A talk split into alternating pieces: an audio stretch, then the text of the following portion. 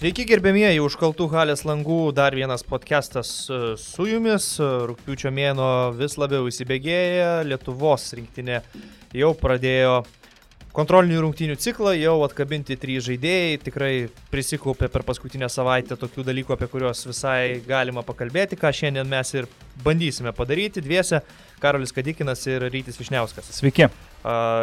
Pradedam kaip visada galbūt nuo visiškų off-topikų ir blevizgų nei temą. Ką dabar šausi? Aš norėčiau tavęs paklausti per visą šitą ilgą laiką, kiek stebime Lietuvos rinktinės turnyrus, vasaras. Ar įsiminė tau kokias nors reklamos, kuriuose figuruodavo mūsų krepšininkai, nes iš tikrųjų yra buvę pačių visokiausių absurdiškų reklamų nuo koldūnų valgymo naktinėme klube iki Arvido Sabonio, alaus reklamų savo laiku ir, ir, ir, ir kitokių variantų, gal nežinau, turi tokią, kuri tau labiausiai įsiminė. Jo, tai tu, man atrodo, ją ir paminėjai, tas koldūnų keptų ir pusiau virtų koldūnų valgymas uh, viename iš uh, naktinių klubų yra turbūt nepamirštamas atvejis. Čia buvo turbūt prieš kokius 5-6 metus mm. labiausiai prominamas tas dalykas. Nėra labai Kuzminskas su, su Trocu gal Jankūnu susimuša taip galūnais į padažą ir važiuojam. Aš manau, kad mūsų krepšininkai, jeigu nueina į naktinį klubą, tai tikrai būtent taip ir leidžia laiką. Suvalgo vieną kitą porciją koldūnų. Net ir užsienyje pa, pa, pa, paklausia, gal yra meniu. Kas su varškė, kas su, su, su, su mėsa.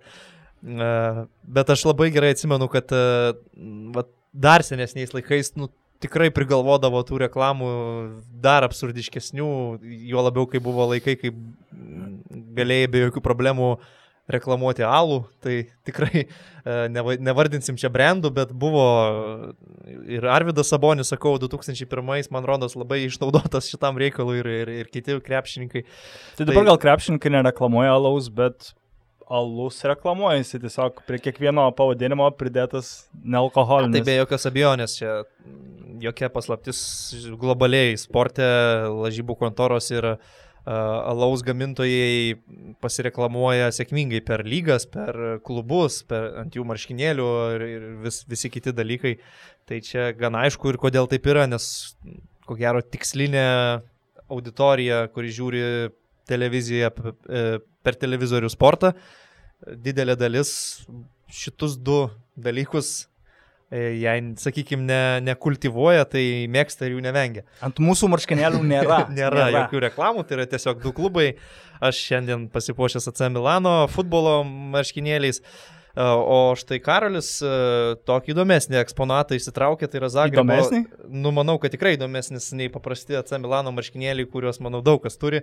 Uh, bet tai yra Zagrebo Cibonos marškinėliai dešimto numerio ir nesunku turbūt daugeliu jau atspėti, kas yra parašyta ant nugaros, tai gal papasakok prieš istoriją šitų marškinėlių, kaip jie atsirado tavo kolekcijai. Tai vyko vienoje iš kelionių Kroatijoje, ten yra labai garsus Dražino Petrovičiaus muziejus ir ten mačiau dabar galima įsigyti net ir Bruklino Nets Dražino marškinėlius, bet kai aš buvau, ten buvo prekiaujama, jeigu neklystu, Kroatijos rinktinės cibonos ir tos kitos, kama, jugo, ne, ne jugo plastikos. Splito? Ne, nesplito. O Dievo. Nu, čia Giedrius Šlikas mus uh, peiks tikrai už jo, tai, kad e, pamiršau tą klubo tokius svarbius istorinius faktus.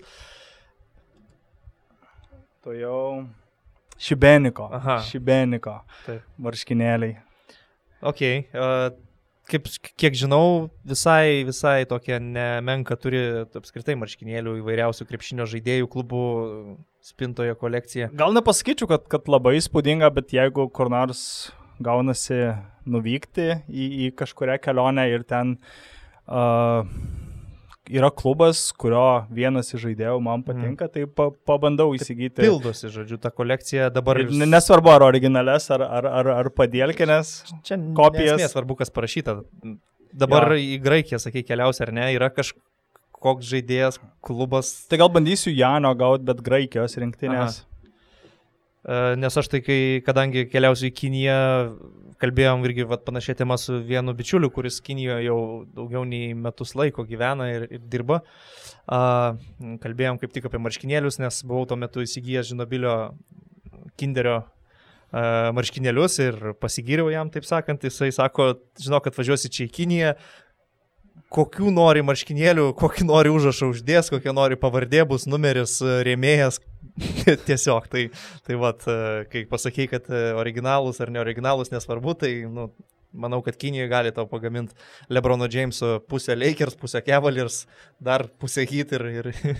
Arba Žiživango, Dallas Mavericks. Ką nors tokio. Gerai, tai po tokio lengvo interpelio judėkime galbūt prie šių dienų aktualijų. Pradžiai būtent ir pakalbėsime apie tris pavardės jau atkabintų rinktinės žaidėjų ir apie tuos du kontrolinius e, mačius, kurie jau įvyko kas primiršo, tai penktadienį praėjusi lietuviai žaidė Pamplonoje, pralaimėjo Ispanams 70-78 ir sekmadienį namuose 20 taškų skirtumų 80-60 nugalėjo Suomija. Ar pačiam kažkas iš tų dviejų rungtynių įstrigo kaip svarbus momentai, kažkas, į ką reikėtų atkreipti dėmesį, ar vis dėlto tai buvo, ypač kalbant apie mačą su Suomijais, tokios rungtynės daugiau apie nieką. A, ne vienos iš rungtynių kažkaip labai didelio įspūdžio nepaliko, kiek su ispanais, kaip ir kalbėjau praeitą savaitę, dažnai draugiškos, ypač rungtynėse, rungtynių tiekmė labiau priklauso nuo ispanų negu nuo jų varžovų. Tai taip visas rungtynės ir atrodė, kad žaidimas katė su pelė vyko e, rezultato prasme. E, vos antro kelnio pradžioje, man atrodo, lietuviai gal įgyjo 3 ar tai 5 taškų persvarą, iškart ispanai susigrebė, greitai e, suspurtavo, gal ten 10-12-0, pasidarė tą persvarą ir visą likusį laiką tas, tas, tos rungtynių svarstyklės taip ir sviravo, tai ten plus, plus 6, tai plus 13.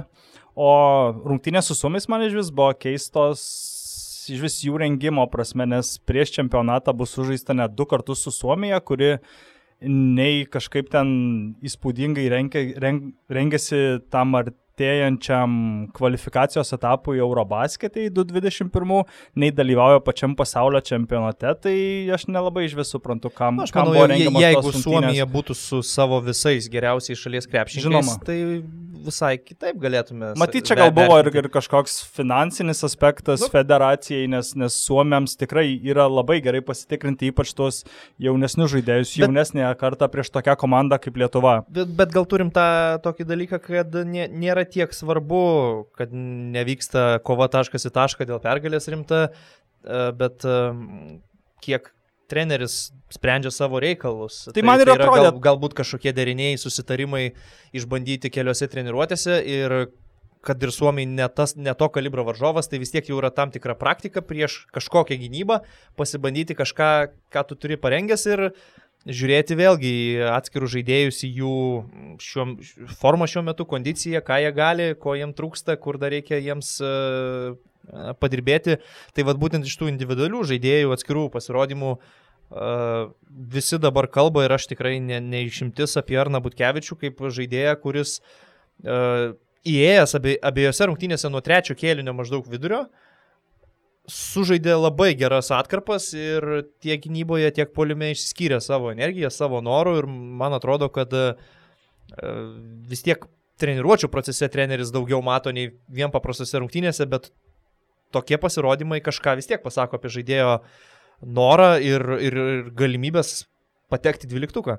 Jo, Arnas tikrai buvo super užsimotivavęs, žiūrint pirmas rungtynės su ispanais, ėjo ir ėjo tas laikas ir atrodė, kad jeigu jau dabar Arno neišleis, tai, tai matyti iš vis neišleis ir, ir toks yra iš prieš rungtynės jau priimtas sprendimas, bet trečiame kelinyje esant e, deficitui Lietuvos sąskaitoje e, Adomaitis pasitikėjo, išleido Arną, Arnas įnešė energijos, Arnas įnešė e, tiek e, puolime, tiek gynyboje tos e, tokios e, sveiko to tokio įniršio, motivacijos, tai galbūt padėjo ir kitiems žaidėjams truputį nusiraminti ir, ir, ir žaisti savo žaidimą. Mane tai šiek tiek nustebino, kad Ricky Rubio buvo toks nu, labai motivuotas žaisti tas pirmas kontrolinės rungtynės ir žaidėjais pakankamai daug minučių, kad puolime naudojasi visom galimybėm prieš žemesnį Luką Lekavičių, ten provokuodamas pražangas ir visą kitą, tai nieko keisto, bet uh, jo labai didelis užsivedimas gynyboje gal šiek tiek nustebino, nes kaip ir tai yra garantuotas rinktinės žaidėjas, nėra jam tarsi dėl ko labai draskytis tokiuose rungtynėse, bet kaip jisai spausdavo Adą Juškevičių su Kamoliu ar, ar, ar, ar Žygį Janavičių, net ir Luką Lekavičių, tai nu, padarė įspūdį vis tik žaidėjas aukščiausio lygio profesionalas. Ten buvo tokia trumpa e, atkarpa gynyboje, kai tiek Janavičius, tiek Juškevičius persivarinėjo kamolį ir tikrai Rubio atrodė labai motivuotis būtent prieš juos. Ir man taip atėjo į galvą, čia aišku toks labai long shot privedimas, bet galbūt Rikiai dar prisimena U18 čempionato rungtynes, kai Aš gal galėsiu įvesti į nu, kontekstą. Nu, gerai, bet čia jau taip. E, kokių dešimties metų senumo, kurios vyko Ispanijoje ir turbūt ne vienas krepšinio sirgalius yra matęs YouTube įvedęs į paiešką Lithuania, Serbia, Funny Fixed Game, kai, kai lietuviai pralaimėjo serbams, aš nenoriu kaltinti žaidėjų, bet tai tikrai atrodė labai keistai, e, kai, kai lietuviai pralaimėjo serbams atrodo keturiais taškais. Ir būtent šis skirtumas lėmė, kad abi komandos pateko į pusfinalį išmesdami Ispaniją, kuri, kuri tuo metu buvo su, su Rubio savo sudėtyje pagrindiniu savo žaidėju. Tai galbūt, aišku, čia skau, ne, ne, nebūtinai tai buvo, bet man, galbūt Rubio prisimena tą, tą, tą atvejį ir tiesiog naudoja taip kaip motivaciją ir, ir kaip kerštą. Nu, čia giliai labai pažvelgiai, ne, negaliu niekaip nei, nei paprieštarauti, nei pritart, e, pats, kol nepasakėjai, net ne, neprisiminiau, kad buvo toks precedentas. Nes tas e, čempionatas ir buvo rengiamas tam, kad Ispanija lyg ir keliautų iki finalo, pasimtų mm. auksą, Rubio pasimtų MVP ir vat, Lietuva ir Serbija sumaišė visas kortas. E, bet gerai, šiaip žiūrint tas, tas rungtynės, aišku, niekada nereikia daryti išvadų ypač dėl rezultato, nes tai yra kontrolinės rungtynės ir sprendžiami savi uždaviniai. Uh, Bet man asmeniškai tos rungtynės atrodė geriau, nei aš tikėjausi, kad bus. E, turint omeny, kad ispanai namie e, vis tiek stiprė sudėtim, kad ir be Marko Gasolio bei Rudy Fernandeso. Aš galvau, kad lietuviams, žaidžiant pirmasis rungtynės, be Valančiūno, be Sabonio, be, be Kalniečio bus blogiau ir, ir pralaimėsim galbūt didesnių skirtumų, bet baigė 78-70. Dar e, galėjo tikrai, gal ir mažiau taškų pralašti. Ir, ir šiaip buvo, buvo atkarpų kurios man labai patiko. Uh, ir polime, ir gynyboje, pavyzdžiui, Luko Lekavičiaus atkarpa, kai jis pelnė šešis taškus iš eilės. Uh, man ypač patiko Luko tie tokie po užtvarų iš vidutinio, staigiai pašokus metimai. Du, tai, man atrodo, įmetė. Jo, va tada jis, man atrodo, rinko tos šešis taškus iš eilės ir daugiau, kaip ir sakė Marnas Butkevičius, kiti dalykai. Ir man viskas atrodė taip daugiau teigiamai nei neigiamai, išskyrus, uh, aišku, centrus, kuriems buvo labai sudėtinga. Martinas Ekodas neturėjo jokių šansų atsilaikyti prieš Vilį Ernangomėsą ir netgi prieš Ilimonę Diopą.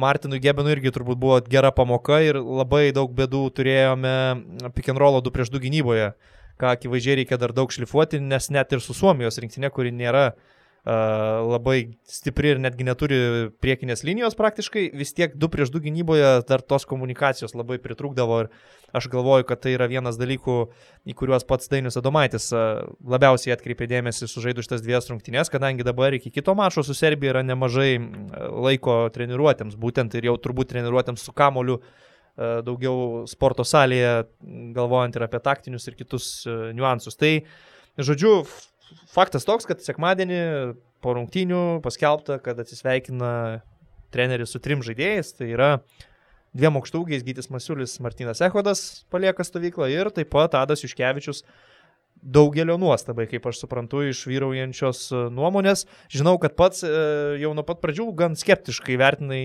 Ado Juškevičiaus šansus šitoje rinktinėje ir panašu, kad tavo prognozijas buvo gan tikslios. Jo, aš prieš, kai tik, kai tik paskelbė tą preliminarų kandidatų sąrašą, aš vardinau žaidėjus, kurie mano nuomonė pateks į rinktinę, tarp jų nebuvo Ado. Praeitą savaitę irgi bandėm truputį kalbėti tą temą. Aš sakiau, kad e, yra apžvalgininkų ir šiaip žmonių, kurie mato Adą kaip loką rinktinėje. Aš jokių būdų toks nesu. Uh, man Adas yra toks žaidėjas, kuris būtent gali gali pataikyti, bet jis lygiai taip pat gali ir nepataikyti, jis gali nesužaisti. Ir e, tas žaidimas jo prieš Ispaniją man jau atrodė toks desperatiškas e, gelbėjimosi rato ieškojimas, nes arba jam jau buvo pasakyta, kad jis turbūt jau nepateks į rinktinę, su juo bus atsisveikinta, arba jis pats jautė, kad e, treniruotėse nebepatempė to lygio ir tiesiog bandė sužaisti labai geras rungtynės rizikuodamas tais visais uh, kartais chaotiškais šešiais tritaškais, iš kurių ne vienas nebuvo taiklus. Ne vienas nebuvo taiklus, bet nebuvo visi šeši blogi pagal žaidimą. Tai buvo ir, ir visiškai laisvam metimai. Vis tik uh, aš įsivaizduoju, ne tos rungtynės Pamplonoje nulėmė jo likimą. Taip. Faktas, kad uh, svarbiausia yra treniruotės, treneris to žaidėjus mato kiekvieną dieną nuo tada, kai atvyksta ir jau pirmą dieną uh, žaidėjai juk testuojami, žiūrima, kokios formos jie atvažiavo po atostogų ir net meskime variantų, kad Adas Iškevičius atvyko prastokos formos, nes šiaip būdamas geros formos, aš galvoju, kad e, gal net jis labiau būtų tas saugiklis pirmoji pozicijoje, o ne Žygimantas Janavičius, kaip yra šiuo atveju, kadangi Žygis lieka, lieka stovykloje, tikėtina be realaus šanso, jei visi sveiki būti dvyliktuke, bet uh, tam, kad esant reikalui, nedaug dievė trauma, jis būtų uh, jau žinotų, kokia yra sistema, kaip mes žaisime, ką mes ruošiamės visą šitą. Apie tai irgi jau kalbėjome, jo, apie tai jau kalbėjome ir, ir panašu, kad viskas taip ir klostosi, kadangi Žygimantas Janavičius nėra atkabintas, jis lieka, jis toliau bus komandoje, o iš tų trijų pavardžių būtent Dadas Iškevičius turbūt kėlė daugiausiai diskusijų. Aš asmeniškai nesakiau, kad e, jis bus tikrai dvyliktukė, bet maniau, kad tai yra tryliktas galbūt 14 žmogus Ribinis. sąraše su galimybė patekti, bet ir su tikimybė, kad uh, užims jo vietą kiti. Tai mane truputėlį nustebino, kad priimtas yra toks sprendimas, bet aš pilnai suprantu, kad uh, treneris mato komandą, o mes matome tik tai kontrolinės rungtynės. Tai viskas čia yra, man atrodo, gerai. Uh, su Gyčiu Masiuliu, ko gero, sutiksim, buvo aišku, kad į dvyliktuką jis nepretenduoja. Bet jauną perspektyvų žaidėją atsivežti tam, kad jis jau pauostytų tą rinktinę, pabūtų pirmą kartą stovykloje, manau, naudinga ir jam, ir, ir treneriui, ir, ir komandai. Apie Gytį Masiulį vis tiek kalbame kaip ateities rinktinės žmogų. O Martinas Ehodas, nežinau, ką tu galvoji, aš maniau, kad gali labiau pakonkuruoti su Martinu Gebenu. Uh, Bet vis dėlto atkrito pats pirmas Martinas Ehodas. Vėlgi tos rungtynės Ispanijoje, kaip ir pats sakė, jos tikrai labai jau didelio skirtumo priimant tą sprendimą nedarė, bet uh, Gebenas atrodė ir ten geriau už Ehodą, nors nuo abiejų žaidėjų galvų Hernan Gomisas ėmėsi kamuolius, e, kamuolius polime, bet Gebenas bent jau sugebėjo šiek tiek pats polime ir pelnyti taškų putbekais arba išprovokavęs pražangas e, įmesti baudos metimus, tai jis bent jau polime atrodė kažkiek geriau. O kalbant apie uh, likusius 15 žaidėjų, manau, kad čia yra kaip ir akivaizdu, kad yra pasilikta erdvė treniruotėms tam, kad būtų galima sklandžiai treniruotis trim penketais. E, tiek, tiek polimą, tiek gynybą, bet Aš manau, kad jau dabar yra aiškus rinktinės dvyliktukas, bent jau trenerių galvose tai tikrai. Ir čia nėra taip, kad per artimiausias savaitę ar dvi tas, kuris sužais geriau, tas ir gaus tą vietą. Man atrodo, kad yra jau aišku, aš nežinau, ar tai yra pranešta žaidėjams, bet mano nuomonė, kad Gedraitis ir Butkevičius jau yra patekę į rinktinę. Okay. Gal, kaž, gal kažkiek drąsu jau taip sakyti, pažiūrėsim ateitie, kaip tai bus, bet... Žiūriu į Martino Gebeno situaciją ir man atrodo pasiliekamas yra jis ne tiek dėl to, kad jis būtinai smarkiai geresnis yra už Martiną Ehodą, kiek žiūrint į varžovus, ką mes turėsime savo grupėje, tai yra Gebenas fiziškai yra pajėgesnis atstovėti baudos aikštelėje, vieną kitą mikrodvikovą atsakyti kontaktui kontaktą, pasistumdyti, kai tuo, atveju, tuo tarpu Martinas Ehodas yra toks grinai e, lengvasvoris, raulinantis po krepšių, po užtvaros e, aukšta ūgis, kuris tau polime iš pick and rollų gali duoti taškų, bet gynyboje lygiai taip pat e, per jį gali būti pelnomi taškai. Tai aš galvoju, kad žiūrinti tai, kokie varžovai mūsų laukia, Gebenas ten, jei jau reikėtų įmesti į kovą, mikrodvikovose labiau tiktų nei Martinas Ehodas. Uh, aš, aš galvoju, kad ir tokius dalykus galėjo treneris turėti mintise, priimdamas tam tikrus sprendimus. O ar Gebinas tau panašus į Lietuvos būsimų varžovų centrus? Į Kanados, į Australijos. Nu, ta prasme, jeigu aš žiūriu į Australiją, aš matau Andrew Bogutą ir Aaroną Bainsą ir jeigu man, manęs paklaustų, dviems minutėms į aikštelę, ką norėtų mesti pasistumdyti su Beinsu. Gebeną Rehodą. Tai aš tikrai rinkčiausi Gebeną. Nes jis gali būti, kad pasiliktas dėl to yra. Aš jau kaip ir sakiau, man atrodo, kad Gebenas tikrai nepateks į rinktinę. Aš manau, kad tas dvyliktukas jau dabar yra aiškus. E, tiesiog tai yra nepaskelbta. Aš manau, kad Gebenas gali būti pasiliktas dėl to, kad treniruotėse duotų tiesiog e, Lietuvos būsimiems dvyliktuko žaidėjams tą, tą įspūdį, tą, tą kovą, tą, tokią, kokią duos būsimi varžovai grupėje. O aš žinau, galvoju, kad jis bus dvyliktukė. Okay. Galvoju dėl to, kad per daug rizikinga man, man regis važiuoti tik su Jonu Valančiūnu, Domantu Saboniu ir Pauliu Jankūnu kaip tikrais aukštaugiais. Žinant Paulių Jankūną ir tai, kokie buvo jam sudėtingi paskutiniai metai, maža ką, maža kas gali atsitikti ir aš manau, kad visiškai neapsisaugojus važiuoti šitoj pozicijoje būtų didel, per didelė rizika. Turiu omeny, kad jeigu kažkas gaus traumą iš jų? Nu, galbūt, maža ką, galbūt Paulius Jankūnas negalės žaisti tiesiog. Susiklostys tokia situacija. Tiesiog turėti žmogų, gali tai būti pažangų problema rungtynių eigoje. Man atrodo, kad protinga turėti žmogų ir čia gal Roko Gedraičio ar Nabutkevičių situacija man tokia atrodo šiek tiek nedėkinga jiems, uh, nes jie tikrai pagal žaidimo lygį tarsi turi būti dvyliktukė, bet jų pozicija, pozicijos yra labai užgrūstos, man, man tai dėl to Gedraitis ir stumiamas į, į antrą būtkevičių. Bet net ir antroji pozicijoje yra Seibutis, yra Grigonis, tada yra Ulanovas tikras trečias numeris, Mačiulis Kuzminskas tarp trečios, ketvirtos ir jeigu tu dėliojas dvyliktuką taip, kaip prognozuoji, aš matau poziciją pozicijas antrą, trečią, kurios yra pergrūstos ir vis tiek tu tiek žaidėjų nepanaudosi ir tada matau poziciją priekinėje linijoje, vidurio polėjo konkrečiai, kuri lieka be saugiklio visiškai. Man atrodo, kad tikrai nėra tikslo saugotis nuo traumų, nes jeigu Valančiūnas arba Sabonis, nedaug dievė, gautų traumas, Tai jokio skirtumo, ar ten Gebenas bus ar nebus, vis tiek ta, ta vasara jau būtų palaidota. Nes... Nu, aš labiau, žinok, žiūriu į Paulių Jankūną, ne, ne, ne, ne tai, kad Valančiūnas ar Sabonis kažko negalės. Bet galbūt Paulius Jankūnas neduos tiek pagalbos, kiek e, tikimasi iš patyrusio veterano. Tai gal, nu, čia geras pointas, gal ir neduos, bet man atrodo, kad rungtynių metu galbūt bus išskir išskirstyta taip, kad niekada nebūtų laiko, kai nebūtų Sabonio arba Valančiūno aikštėje. O taip. tą ketvirtą e, numerį, ketvirtą poziciją tuo metu, kai bus tik vienas iš jų aikštėje, užimtų būtent tai, Mačiulis arba Kuzminas. Bet mano argumentas toks, kad vis tiek tu 12 žaidėjų nenaudosi rungtynėse tai kam tada turėti keturis e, krašto polėjus ir tik du centrus? Tai geriau turėti tris krašto polėjus ir tris centrus. Nu, Gedraitis, kaip ir Adomaitis sakė, po rungtynių. Nu, taip, jis yra. Suomis jis jau bus sutinku, tiesiog metikas. Tai polime ir yra realiai atakuojančio gynėjo stiliaus ir, ir talentų žaidėjas. Ką jis dengia kitoje aikštelės pusėje, čia jau kitas klausimas. Kartais gal dengs antrą numerį, kartais trečią. Tiesiog aš manau, kad uh, Žygimantas Senavičius ir Reimantas Bendžius tikrai nepatenka. A, jo, apie Bendžių net nekalbėjau. Į, į dvyliktuką aš nematau, kodėl jie turėtų būti dvyliktukė. Ir tada tu sakai, bus tikrai Butkevičius ir Gedraitis, o aš sakau, kad bus Gebenas ir arba Butkevičius, arba Gedraitis uh, liks už borto. Aš manau, kad Butkevičius bus simamas vien dėl savo fizinės kondicijos pasiruošimo ir labai geros. Jo atletiškumas, aišku, daug, daug duoda, aš sutinku. Nes e, tiesiog 12 žaidėjų labai labai didelio skirtumo, ką tu imsi, nėra. Dėl to imamas tiesiog tuo metu geriausias 12 likęs žaidėjas nepriklausomai nuo pozicijos. Galbūt ir klystu. Gali būti, pasižiūrėsime, kokie bus tolimesni trenerio sprendimai. Kas man patinka, e, šią vasarą nėra to realybės šau panašu, kad e, dėl 12, dėl 12 žaidėjo, ar, ar tai net dėl 11. Viskas daroma pakankamai konkrečiai ir aiškiai.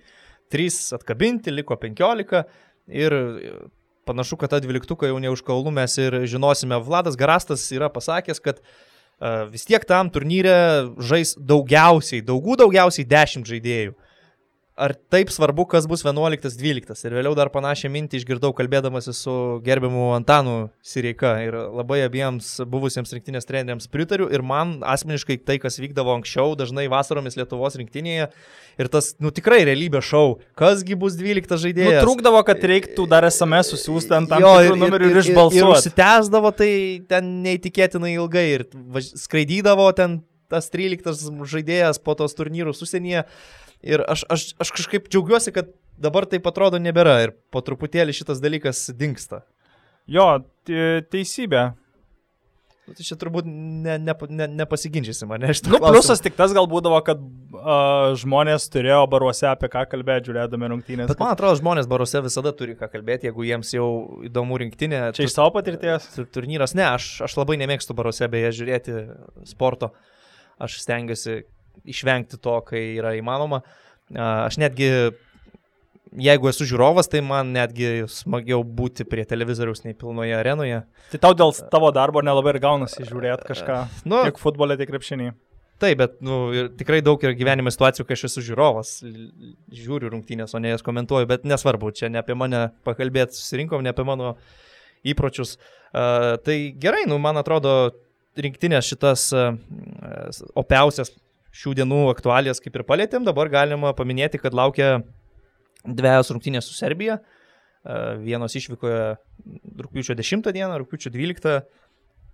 Su tais pačiais serbais sužaisim namie Kaune Žalgirio arenoje. Tai varžovas rimtas, rimtesnį Europoje ir nesurasi. Aišku, tai vėlgi kontrolinės rungtynės, bet turbūt tokiuose rungtynėse mat, mat, matai pats daugiau racijos nei žaidimo su Suomiais du kartus. Kiek matau, ir serbai rytoj dar sužais su suomiais Taip. draugiškas rungtynės. Taip, serbų egzaminas bus pakankamai rimtas tiek, tiek namuose, tiek išvykoje. Aš kol kas nepastebėjau, kad uh, Serbijos krepšinio federacija savo socialiniuose tinkluose kažkiek komunikuotų Nikolai Jokičiaus buvimą stovykloje, nes žiūrėjau, serbai sužaidė pirmas rungtynės draugiškas su vienu iš savo aukščiausios lygos klubų, ten buvo labai draugiško formato rungtynės e, ir nepamačiau Jokičiaus nei filmuotoje medžiagoje, nei ant atsarginių suolelio, nei visiškai niekur, nei viename. Atsiprašau, Aleksandro Džordžičiaus citata buvo šiuo klausimu ir jis išsakė labai kritišką poziciją dėl NBA požiūrio taisyklių. taisyklių tų visų ir sakė, kad mes turim jokičių, norim įlėti komandą, bet dėl visų taisyklių negalime ir, ir nežinom, kada tiksliai jisai jau sužais kontrolinėse rungtynėse. Tai dėkokit Karnišovui, Denverio tai, džiemui. Tai buvo būtent Aleksandro Džordževičiaus e, komentaras žiniasklaidoje. Jo, bet tarkim Lietuvos aukštaugiai, tiek Sabonis, tiek Valančiūnas, jie buvo su komanda, tiesiog su jie nesitreniravo dėl taisyklių. Taip. Gal Denveris, e, kaip, kaip Jokičiaus klubas, dar kažkaip griežčiau yra už, uždraudęs net buvimą su rinktinė. O pačios rungtynės aš nežinau, kiek dar yra likę tos, tos atmosferos, tos tokios, e, to pykčio iš, iš senų laikų dabartiniam krepšininkam, bet man atrodo, kad jeigu kažkas ir gali nesusimotivuoti tokiam rungtynėm, tai vad Serbija yra ta komanda, kuri laisvai galėtų nuo lietuvių namuose pralaimėti, tarkim, nežinau, net ir dvi ženklių skirtumų, nes žinant, koks, žaidėjus, koks žaidėjas yra e, Milošas Teodosičius, prisimenant visą jo karjerą žaidžiant Eurolygoje dėl trečios vietos ir tos draugiškos prieš sezoninės dabar rungtynės būtų svarbesnės negu Eurolygos trečia vieta. Aišku, čia irgi pritamtas pavyzdys, bet man atrodo, kad jeigu kažkas ir galėtų nesusimotivuoti bent vienoms iš tų dviejų rungtynių draugiškų, tai būtų Serbijos komanda. Galbūt irgi klystų, galbūt, bet... galbūt jie namuose kaip tik turės dar tos papildomos motivacijos tai žaidžiant prieš tą, lietuvius. tą motivaciją mes, būdami žiūrovai, žiūrime į rezultatą ir kas laimės krepšinio rungtynės, ar tai jos draugiškos ar ne, bet uh, Aleksandras Džordževičius ir analogiškai Dainius Odomaitis uh, kontrolinėse rungtynėse, manau, ir rotaciją savo atlieka ne pagal švieslentėje degančius skaičius, o pagal tai, ką yra suplanavę ir, ir numatę uh, ir ne visada ten svarbiausia, kas ir kokius skirtumų tą mačą laimėjo. Bet e, Kaune, Žalgirio arenoje, aš, aš manau, bus daug žiūrovų ir įprastai Lietuvos rinktinė e, namie draugiškose rungtynėse žiūrovus bando pradžiuginti, palepinti. Nu, yra buvę Fesko, tarkim, kruatams, stiprus pralaimėjimas bet apskritai įprasta nenuvilt savus ir galių. Ir pavyzdžiui, sekmadienio rungtynės Klaipėdoje su Suomija. Aš, aš, aš manau, kad e, jeigu tai būtų mačas ne Lietuvoje, ne, ne, aš tą patį ne, ne saviems ir galiam, tai greičiausiai Domantas Sabonis gal ir nebūtų naudojamas juose, bet Uh, žmonės pirko bilietus, žmonės Tikėjausi. Buvo, buvo kviečiami į areną, jie nori pamatyti be abejo geriausius Lietuvos krepšininkus, kiek tai įmanoma ir čia tarsi savotiška dovana uh, klaipėdiečiams Domato Sabonio žaidimas ir žaidė jis gan daug minučių beje. Taip kad e, Uh, tiek žinių. Uh, tiesiog... Beje, tik, tik, tik dviejas tas kontrolinė šį kartą Lietuvoje ir žais mūsų komanda, kai anksčiau būdavo gan įprastas toks turas per Alytų, Panevežį, Šiaulius. Uh, tai šią vasarą tik tiek. Uh, dviejos rungtynės Kaunė ir Klaipėdai. Jo, man tik pamačius burtus, kaip ir susiponavo galvoj tokios draugiškos su Lenkija, nes tiek burtų prasme komandos negali susitikti iki pusfinalio, tiek ir geografiškai jos yra kaiminės, dėl to galvau, kad su Lenkais tikrai bus sužaista tiek, tiek Lietuvoje, tiek, uh, tiek ir išvykoje. Man atrodė, kad, kad logiška būtų vat, vietoj Suomių pasimti Lenkus sužaisti Klaipėdai ir tarkim paskui Gdanskė, kur skrydis gal 30 mm. minučių ir vieniems su kitais sužaisti, bet irgi matyti, ten nėra taip paprasta sudėlioti e, rinktinių planus ir, ir su visais prieš tai buvusiais uh, įsipareigojimais pasiūlymais kitoms rinktinėms. Vis tiek federacijos komunikuoja, bendrauja ir, ir, ir priema savo tokius kaip ir kompromisus, gan įprasta praktika sužaisti vienas pas jūs, vienas pas mus, tam lietuviai daro ir su ispanais. Ne, ne vienerius metus. 2016 prieš olimpiadą tai buvo daroma, bet man patiko, kad federacija šiais metais tiek prekiaudami bilietais, tiek komunikuodami tuos uh, tuos du renginius, dvi rungtynės e, pasirengimui neminėjo jokių konkrečių pavardžių, nes anksčiau būdavo taip, kad atsiveža Latvija ir jau net ir posterį visuose aprašymuose atvažiuokit, ateikit į rungtynės, bus porzingis. Ir nu, to porzingio net kvapo ten nebūdavo ir tiesiog, nu, man atrodo, taip yra e, ir teisingiau prieš, prieš, prieš žiūrovus. Jeigu žiūrovai susidarys e, tokią aluzija, kad bus, tarkim, jokičius, o jo nebus, nu, tai mes nesakėm, kad jisai bus.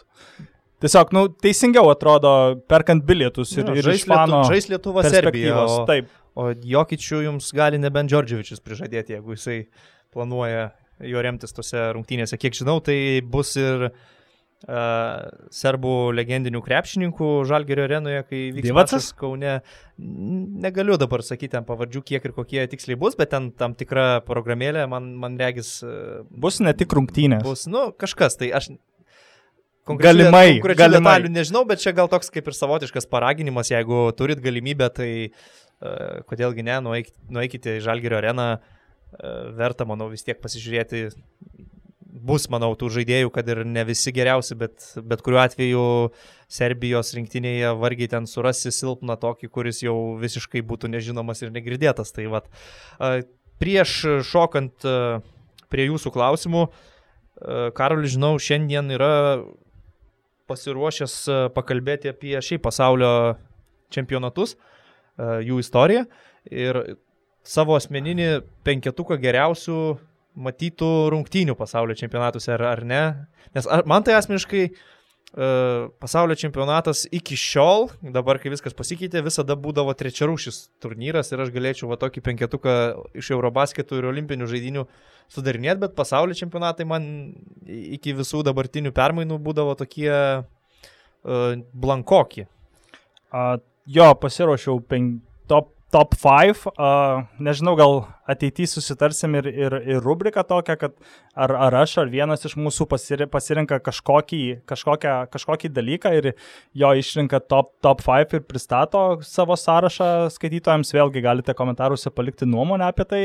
Uh, mano to pasaulio čempionatų top 5 prasidėtų 30 metų atgal, beje, tas rungtynės pamačiau, pamačiau tik šį savaitgalį. Dėkoju savo draugui Vaidui, kuris man, man, mane paragino tai padaryti, tai pirmos rungtynės būtų 86-ųjų pusfinalis Sovietų sąjunga prieš Jugoslaviją. Ir tos rungtynės buvo įspūdingos ne tik tuo, kad baigėsi vieno taško pergalę sovietų po pratesimo, bet ir tai, kaip buvo prieita iki pratesimo, nes likus apie 50 sekundžių uh, Jugoslavija pirmavo 9 taškais Ir tai tais laikais iš esmės jau reikšdavo komandos pergalę, nes e, tu įmetęs tritaškį ar kitą, tu negali varžovų bauduoti, nes varžovai vis dar pasirinks nemest baudų ir toliau tęsti rungtynės. Tuomet dar buvo šitą idiotišką taisyklę. Ir atakai 30 sekundžių. Ir atakai taip 30 sekundžių, dėl to ten buvo taip, kad Sabonis nuo lentos įmetė tritaškį, likus gal 45 sekundėm. Tada pavyko perimti iš, iš Petrovičiaus kamolį. E, vienas dabar neatsimenu iš, iš, iš sovietų žaidėjų irgi įmetė tritaškį, tada pavyko apsiginti ir likus gal ten penkiom sekundėm Latvis Walteris išlygino rezultatą ir pratesime vėl ten buvo kautynės iki galo, kurias vienu tašku laimėjo sovietai. Antras rungtynės būtų 98 finalas Jugoslavija, Rusija. Tai irgi buvo toks kaip ir didelis klešas tuo metu labai didelių vardų e, finale ir jeigu tarkim, Jordano metimas prieš Clevelandą yra NBA vadinamas V-shot, tai... Prieš Clevelandą, prieš, prieš, prieš Clevelandą. Jordano prieš Clevelandą? Taip, tas, kuris laimėjo, su kuriuo laimėjo seriją, dabar tik nepamenu kuriais metais, bet ten V-shot yra vadinamas metimas prieš Clevelandą. Aš kažkaip galvau, kad D-shot yra metimas prieš Jutą, kai Russellas krito jam. Ne, no, tu tik gali paguglinti, įsivaizduoju. Game winneris, bet... Jordan V-shot. Gerai, gerai, gerai, tesk tada. Aš... Tai, e, tai, kas įvyko 98 metų finalo pabaigoje e, visame FIBOS krepšinėje, oh, okay. e, turėtų būti vadinama V-block, nes... Uh, tuo metu paskutiniai atakai rusai turėjo gal apie 20 sekundžių, atsilikinėjo vienu tašku ir turėjo kamuolį savo e, rankose, laisvas pakrapšių kamuolį gavo. Aš visau, vėliau visą tai stengsiuosi papaustinti mūsų puslapyje. Mikhailas Mikhailovas, rusų aukšto ūgis, jis jau bandė kaip ir dėti į krepšį ir persverti rezultatą, bet po krepšių iššoko Želko Rebračą, e, labai gražiai dėjimą blokavo, švariai, švariai. All ball. Ir, ir vėliau serbai atsikavo kamuolį, sumetė baudas ir, ir išsiveržė į priekį. Vis sakyčiau, deblok tai vis tik gal Lebrono įguodalai. True, bet e, tarkim ne NBA, Gerai. o, o, o FIBOS krepšinėje. Gerai, Tuomet toliau. Trečias, įdomu klausyti? Kol kas taip. Buvai matęs šitą sabę?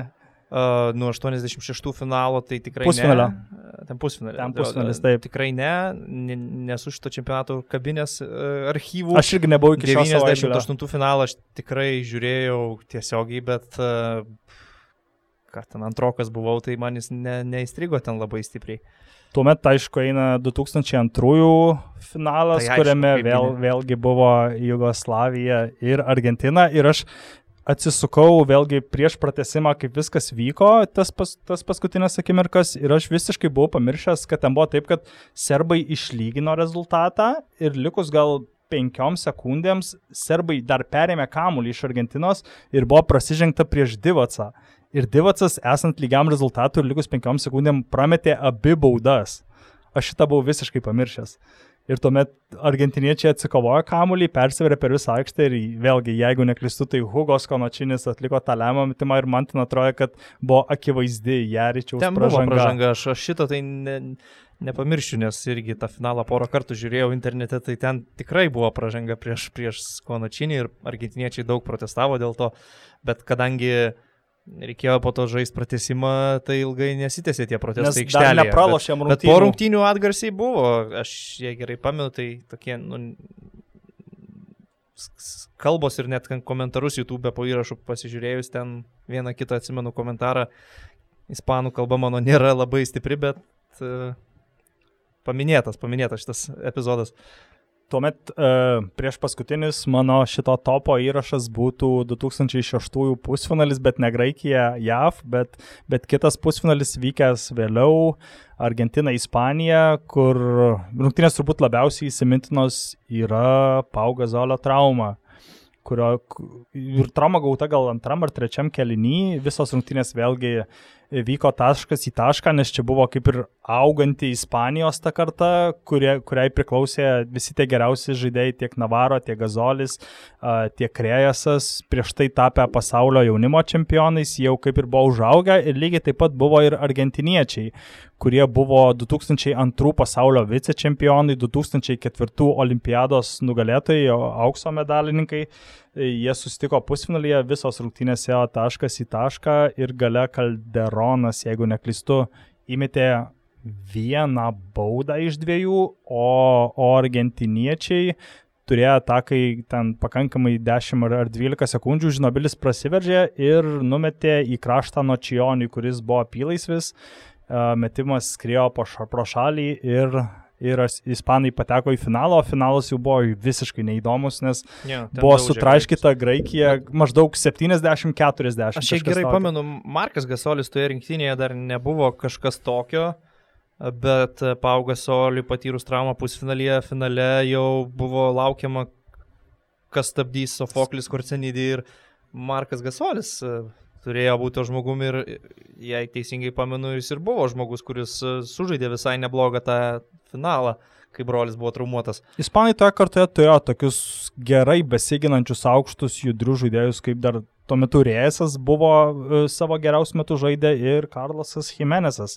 Irgi buvo toks. Bet čia labiau trečias numeris, tais laikais buvo lengvas kraštas. Bet jis irgi Jimenezas. toks buvo galintis pasiginti ir prieš ketvirtus ir toks, kuris Kad gali pataikyti. Mumbrų labiau į ketvirtą poziciją. Nu, gerai, čia jau, jau per daug gal dėmesio tam. Uh, Liko dar vienas, ne? Jo, pa, paskutinis, e, paskutinis mano įrašas būtų 2010-ųjų pusfinalis skandalingasis Turkija, Serbija. Iš esmės, be, visuose gal įrašuose yra kažkoks Jugoslavija arba, ir, ir arba skandalas beveik visuose. Ar, arba Serbija, tik šį kartą prieš, prieš serbus atsi, e, atsisuko tą fortūną. Pirmaujant e, vienu tašku, turkai išsimetinėjo kamolį, užmynė ant šoninės linijos ir... Čia ryberos. Man irgi atrodo. Remas Tunčerį. Tunčerį nusivarė ir laisvas iš pakrepšio įmetė ir tada dar serbai siuntė kamulį per visą aikštę, tada nepavyko. Turkoglų išspyrė kamulį į tribūnas ir tada dar atsuko laiką, ten buvo likę gal dar pusę sekundės ir tada vėl iš naujo prasuko ir ten serbai dar visai neblogą derinį buvo susukę. Iš vidurio perdamas buvo link krepšio, tipint, bet vienas... man regis. Taip, ir vienas iš, iš turkų, dabar tik neatsimenu, kuris uždėjo bloką. Aha. Ir tai šikas greičiausiai. Matyti. Aš ne, iki galo pamenu, bet tunčerį užminta linija, tai visada prisiminsiu niekad, ne, ne, neišnyks man iš atminties tas epizodas, nes, nu, brutali teisėjų klaida ir nori, nenori, uh, toks epizodas e, pakelia samokslo teorijas, kadangi vis dėlto turnyras vyko nekur kitur, o Turkijoje. Bet ten teisės tikrai buvo arti ir buvo neįmanoma nepamatyti. Tai pusę pėdos mynė liniją, tai nėra, kad buvo kulniuko čiučiut dalelė ant linijos, bet pusę pėdos tikrai mynė liniją ir, nu, sakau, tai e, samokslo teoretikams be jokios abejonės e, toks epizodas leidžia drąsiai teikti, kad namų komanda gavo pagalbos iš šono. Uh, Tai, tai gerai, tai toks, toks, toks mano topas, atsukom laikrodį į rubriką. Okay. Jo, mes e, kalbėjomės apie šitą dalyką, galvojom, gal reikės kažkada ir pakalbėti apie NBA senesnius laikus, nes e, tikrai žinau daug žmonių, kurie labai domisi jaučia didelę nostalgiją 90s ir early 2000s tai NBA erai. Tai galvo, galvoju ir apie tai kažkada pakalbėsime podcastuose, dabar dar turime laiko ir jūsų klausimams, kurių kaip visada yra nemažai. Tradiciškai dalis jų yra uh, tokie, į kuriuos tarsi jau atsakėme pirmoje podcast'o dalyje, kalbėdami apie Lietuvos rinktinės kandidatus, bet yra ir tokių konkrečių įdomių klausimų. Vat žurnalistas Paulius Gritienas rašo apie naturalizuotus krepšininkus rinktinėse ir jų įtaką žaidimui, teikdamas, kad daugiau nei pusė rinktinių turės po savo amerikietį artėjančiame čempionate. Futbolė, futbolė naturalizacija pakankamai įprastas procesas, bet ar neiškreipia tai situacijos krepšinėje, kur vieno žaidėjo įtaka uh, gali būti žymiai didesnė ir bonus klausimas, kokį savo laiku Lietuvoje žaidusi legionierių paimtumėte į tų metų nacionalinę rinktinę. Tai pradėkime nuo klausimo esmės, turbūt apie bendrai šitą reiškinį, naturalizuotus krepšininkus rinktinėse. Ką tu galvoji, paskui ir aš paoponuosiu arba pritarsiu.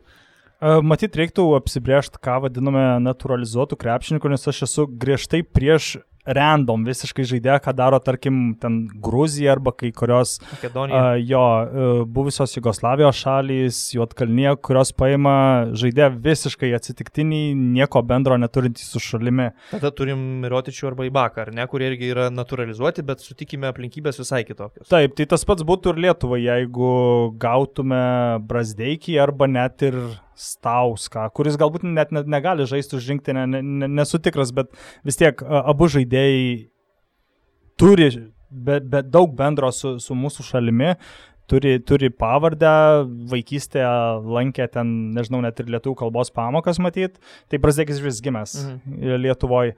Tai aš kaip ir ne prieš tokius žaidėjus ir net esu už, nes šiais laikais vis tiek uh, daug, nu, čia vėlgi e, visai atskira tema, nes nu, daug yra santokų, kai skirtingų tautybių uh, piliečiai susitokia ir, ir, ir, ir gimsta vaikas. Tai Žuelis Bolombojus yra ukrainietis, rusas, kamerūnietis. Nu, tai va, puikus pavyzdys, tai man atrodo, kad aš nebūčiau prieš, jeigu jis atstovautų bet kurią iš šių valstybių, nes jis supratau. vis tiek turi bendro Tai kažką. tiesiog esi prieš e, ten Boma Keilebo, Dante Draperio ir panašius tokius. Jo, aš, atvejus. aš gal šiuo atveju Henry esu Domerkantas ir panašiai. toje Milošo Teodosičiaus pusėje, Mhm. kuris yra nekartą pasakęs, kad tą minutę, kai už serbų žais naturalizuotas žaidėjas, vėlgi aš nežinau, ką jis būtent turėjo omeny, Nu, e, vadindamas būtent tai. naturalizuotu, bet tą minutę jo rinkėje nebus. Aha. Man šiaip įdomu, galvojau apie tai, ar mm, Ispanija bandė Luka Dončičių pasukti Nikolą Aš Mirotičiaus nebejo, keliu. nebejoju, kad bandė. ir, ir Mirotičiaus, ir Dončičiaus e, istorija visai panaši. Atvažiavo paauglys į Madrido realą ir ten realiai tapo krepšininku realo sistemoje. Tai Mirotičius tuo pačiu dar ir tapo Ispanijos rinktinės žaidėjų. Netaip dažnai jis apsivelka tos marškinėlius, bet e, yra Ispanijos rinktinės žaidėjas ir įdomu, ar, ar Dončičių buvo bandoma prisivilioti ir jeigu būtų pavykę, tai tikrai būtų įspūdinga. Tai aš esu komanda. skaitęs, kad ispanai bandė ir Domantą Sabonį Tai persivilioti. čia iš vis logiška, tai Dončičius, Taip. dar, sakykime, atsidūrė Ispanijoje kaip paauglys, atsivežtas iš Slovenijos jau grinai žaisti krepšinį, kai tuo tarpu Domantas Sabonis.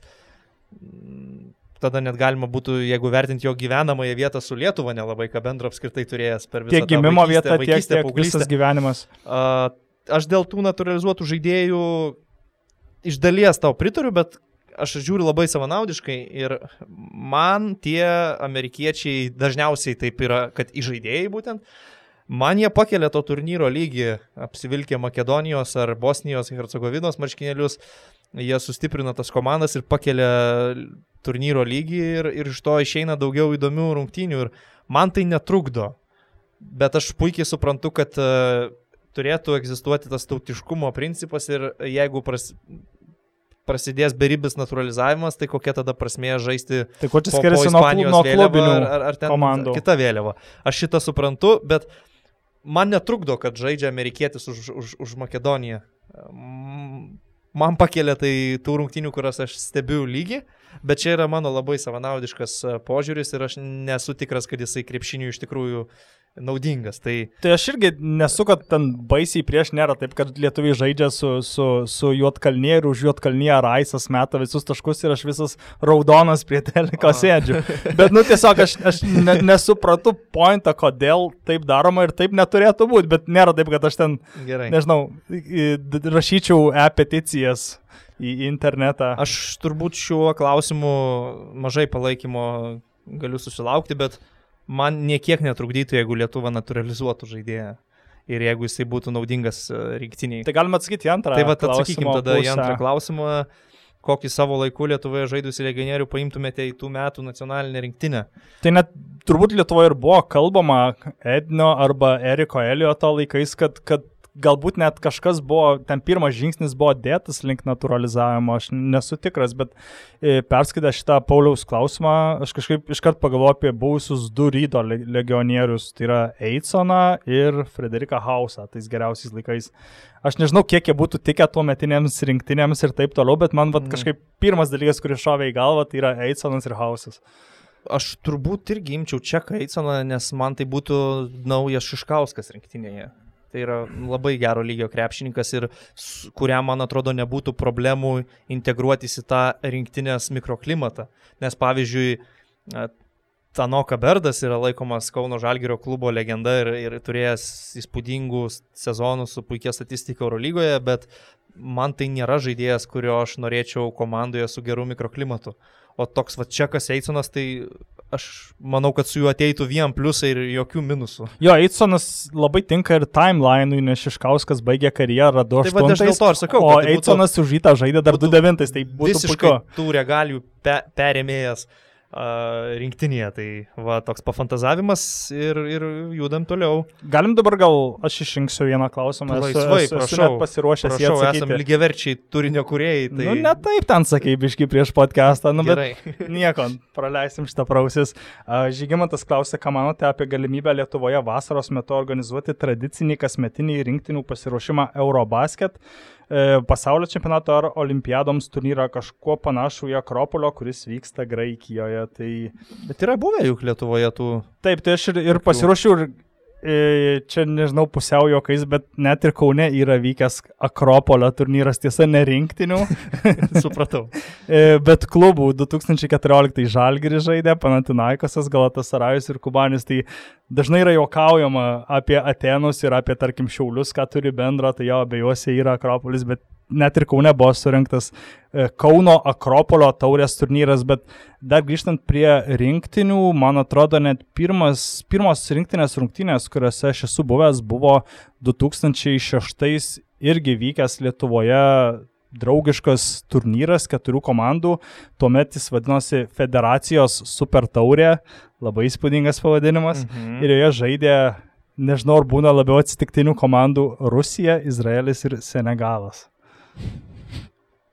Čia man, buvo pasiruošimas, žinai, šeštų čempionatų. Išvardintos rinktinės, čia aš nieko tokio nenoriu pasakyti, bet man prieš akis iškyla e, futbole tokie sukūrėmi fake draugiški turnyrai, kur atvažiuoja į Bulgariją ar Turkiją be žiūrovų sužaisti Boliviją, Estiją ir dar kas nors. Ir nu, visiems turbūt aišku, koks yra tikslas to turnyro. Čia...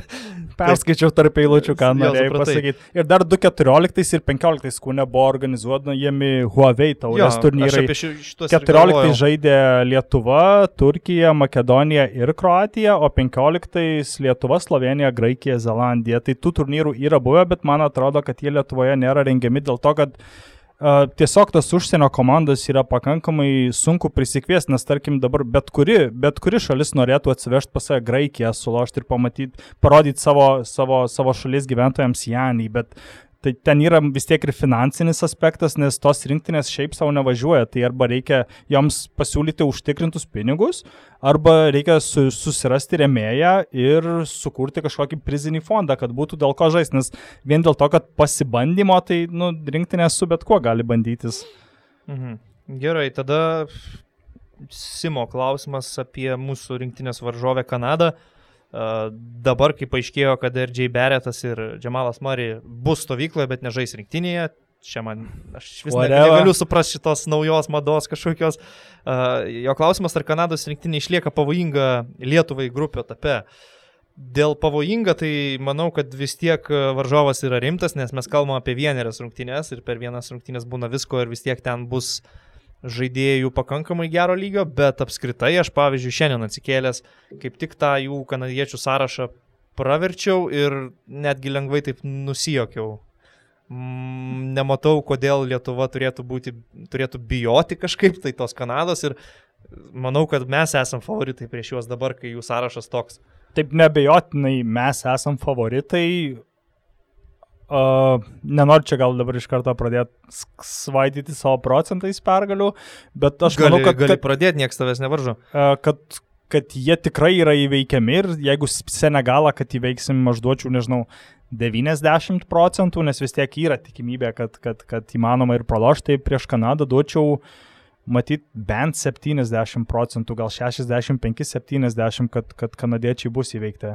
Labai įdomus e, Justinos klausimas, vėlgi į kurį atsakydami galėsime sauliaisti nemažai pafantazuoti ir pakurti hipotetinių scenarių. E, kaip manote, ar visiškai su europiniais Lietuvos krepšinkais nesusipažinęs amerikietis treneris paimtų į rinktinę Ulanovą? Kokios savybės jį leidžia laikyti pranašesniu už Butkevičių krepšininkų, nes man atrodo, kad tai yra tik specifiniai komandai, prie specifinio trenerio naudingas žaidėjas, kuris išimtas iš to rato pranyksta.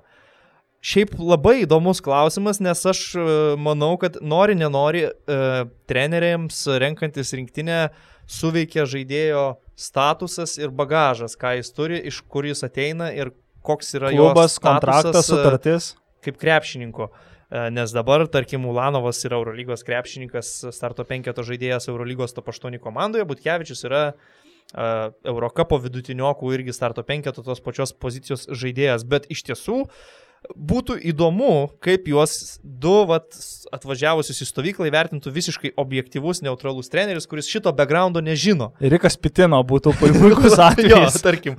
Nes šiaip iš tiesų Arnas Butkevičius turi labai akivaizdžių pliusų, Ir iš dalies galima sutikti, kad Edgaras Ulanovas efektyvus tada, kai yra žaidžiama jam, išnaudojant jo tą žaidimą nugarai krepšį iš, iš, iš tokių situacijų jis kuria ir savo taškus, ir komandos draugams.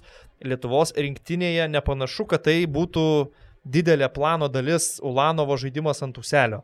Ir aš galvoju, visai įdomus šitas Justinos pastebėjimas. E, nesakau, kad Butkevičius geresnis krepšininkas už Ulanovą, ar nesakau atvirkščiai, bet vat, kuris iš tikrųjų būtų objektyviai vertinant naudingesnis rinktiniai, tokios sudėties, kokios jį dabar yra. Aš vienareikšmiško atsakymo neturiu. Jo, labai geras klausimas ir tikrai priverčiantis pa pamastyti. Pamastyti truputėlį, ar ne? Pamastymui, kaip Dainius Kepenis paustina Facebook'e. Nedaryk reklamos tokiem žmonėm, prašyčiau. Sorry. Uh, taip, uh, dar turim turbūt laiko porai klausimų ir po Kiek, to kiek esam prakalbę? apie 50 minučių ir okay. bus dar laiko trumpai trivijai, kurią Karolis e, šiandien beje skaitytojų pageidavimų sugražino. Eimanto Kašelionio į- į- Į, paprašytas. į mūsų podcastą. Uh, taip, Ignas klausė.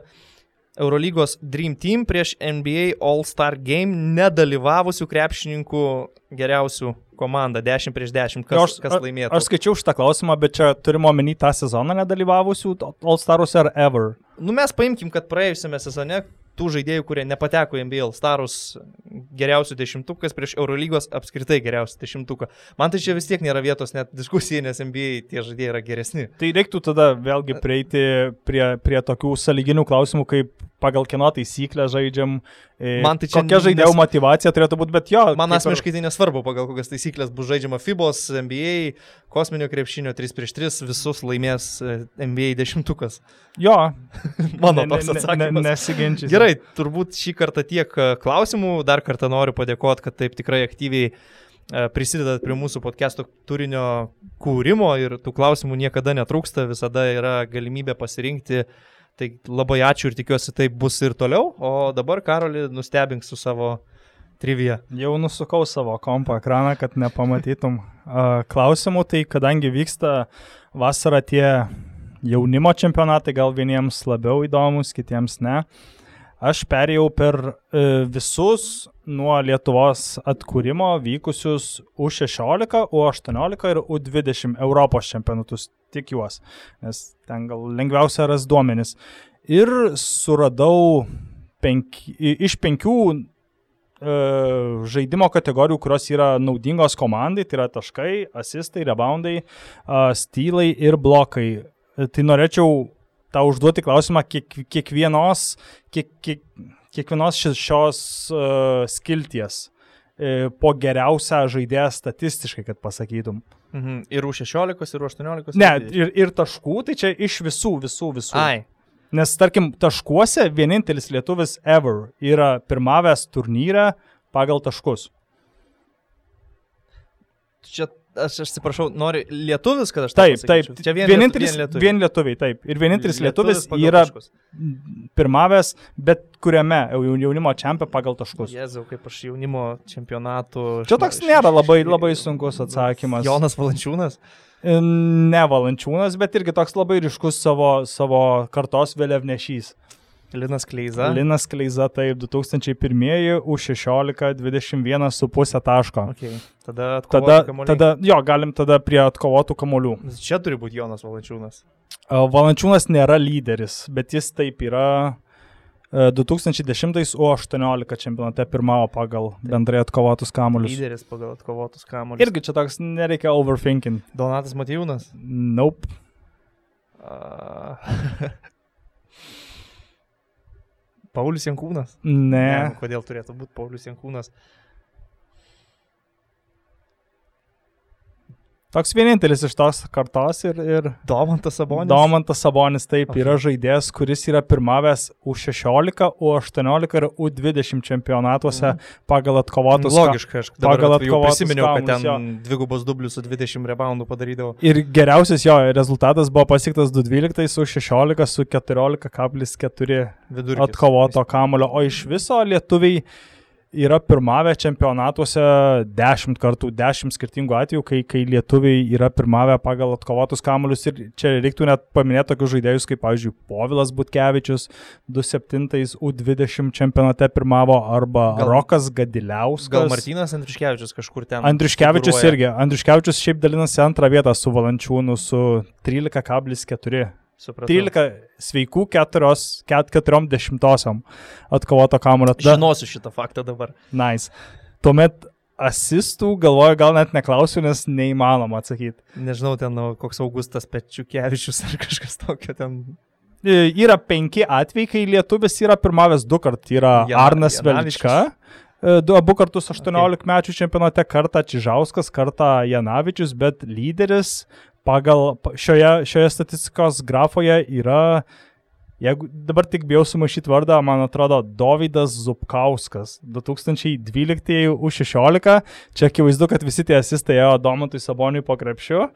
Ir, ir jis pasiekė 6,9 asisto per turnyrą rekordą. Mhm. Tuomet perinam prie stylų. Trys lietuviai yra pirmavę pagal stylus, pagal perimtus nu, kamuolius. Gerai, galvoju, kad Davidas Redikas galėtų čia. Davidas būti. Redikas yra šiame sąraše. U20-12. Bet ne viršuje, ne? Ne. Tada, tada Vitenis Čižauskas. Ne. Tada Žygis Janavičius. Ne. Galbūt yra jie pirmavo pasaulio čempionatuose, bet čia yra tik Gerai. Europos čempionatai random Tomas Dimša. Nope. Vienas, čia, čia tas pats pirmas yra iš praeitų metų čempionato ir apie tą žaidėją šiemet labai daug kalbama. Tai Arnas Velička? Nope. Tai daug kalbama. Tada antras pagal kalbamumą. Antras pagal kalbamumą? Jo. Sedekerskis? Ne, tada trečias. trečias nežinau, kulboka. Ypač, ypač šią savaitę, praeitą savaitę. Kulboka, praeitą savaitę. Jo, praeitą šią savaitę. Masiulis, apie jį buvo kalbama praeitą savaitę. Ne. Bet kodėl? Dėl jau žaidimo jo ir šiemet jaunimo čempionatuose. Ne, numatai, aš nesidomiu jaunimo čempionatu. Bet žiūrėjai praeitą savaitę, ką žaidė. Ne. Nu, žaidė 18 mečiai, dar pats rašė į čia, kad žiūrėjai Ai, pratesimą. tą pratesimą su graikais, kur žaidė, tai jis ten žaidė. Taip.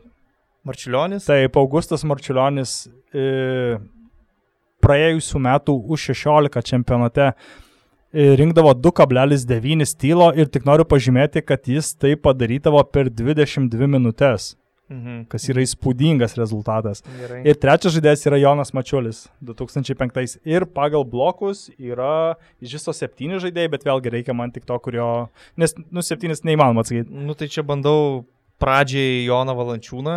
Valančiūnas pirmavo už 16 do 8, bet jis nėra tas. Tada bandau Martyną Andriuškevičių. Martynas Andriuškevičius taip su 3,9 bloko U18 2004-aisiais pirmavo tame čempionate. Ir dar norėčiau paminėti tokius žaidėjus kaip E, Ažulas Tubelis pernai e, pirmavo pagal blokus, arba Einaras Tubutis, Evaldas Kairys, Karolis Petrukonis, kurie irgi savo amžiaus grupėse pirmavo pagal blokus.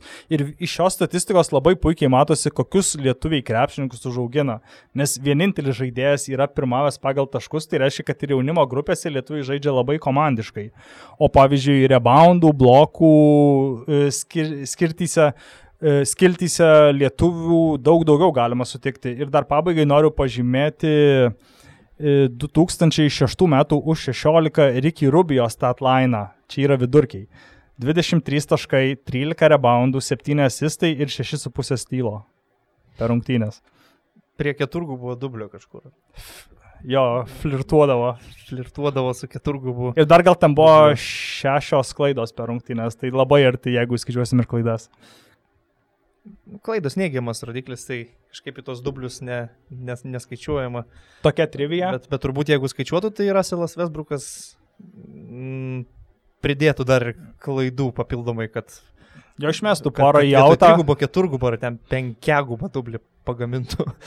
Ir jeigu neklystu, paskutiniai žaidėjai NBA, kurie yra padarę tą žiauriai retą įrašą 5x5, kai penkiose skirtingose šiose naudingose kategorijose surinkdavai bent penkis. Penkis arba daugiau. Jo, tai mhm. man atrodo, pernai buvo Jusuf Nurkic, arba užpernai už Blazerių žaisdamas pasiekė šį, šį rodiklį ir prieš kelis metus taip pat dar Portlandė žaisdamas Nikola Batumas. Ir Lebronas niekada šito nėra? Man atrodo, kad Lebronas nėra, vėlgi šiuo klausimu nebuvau pasiruošęs. Keista.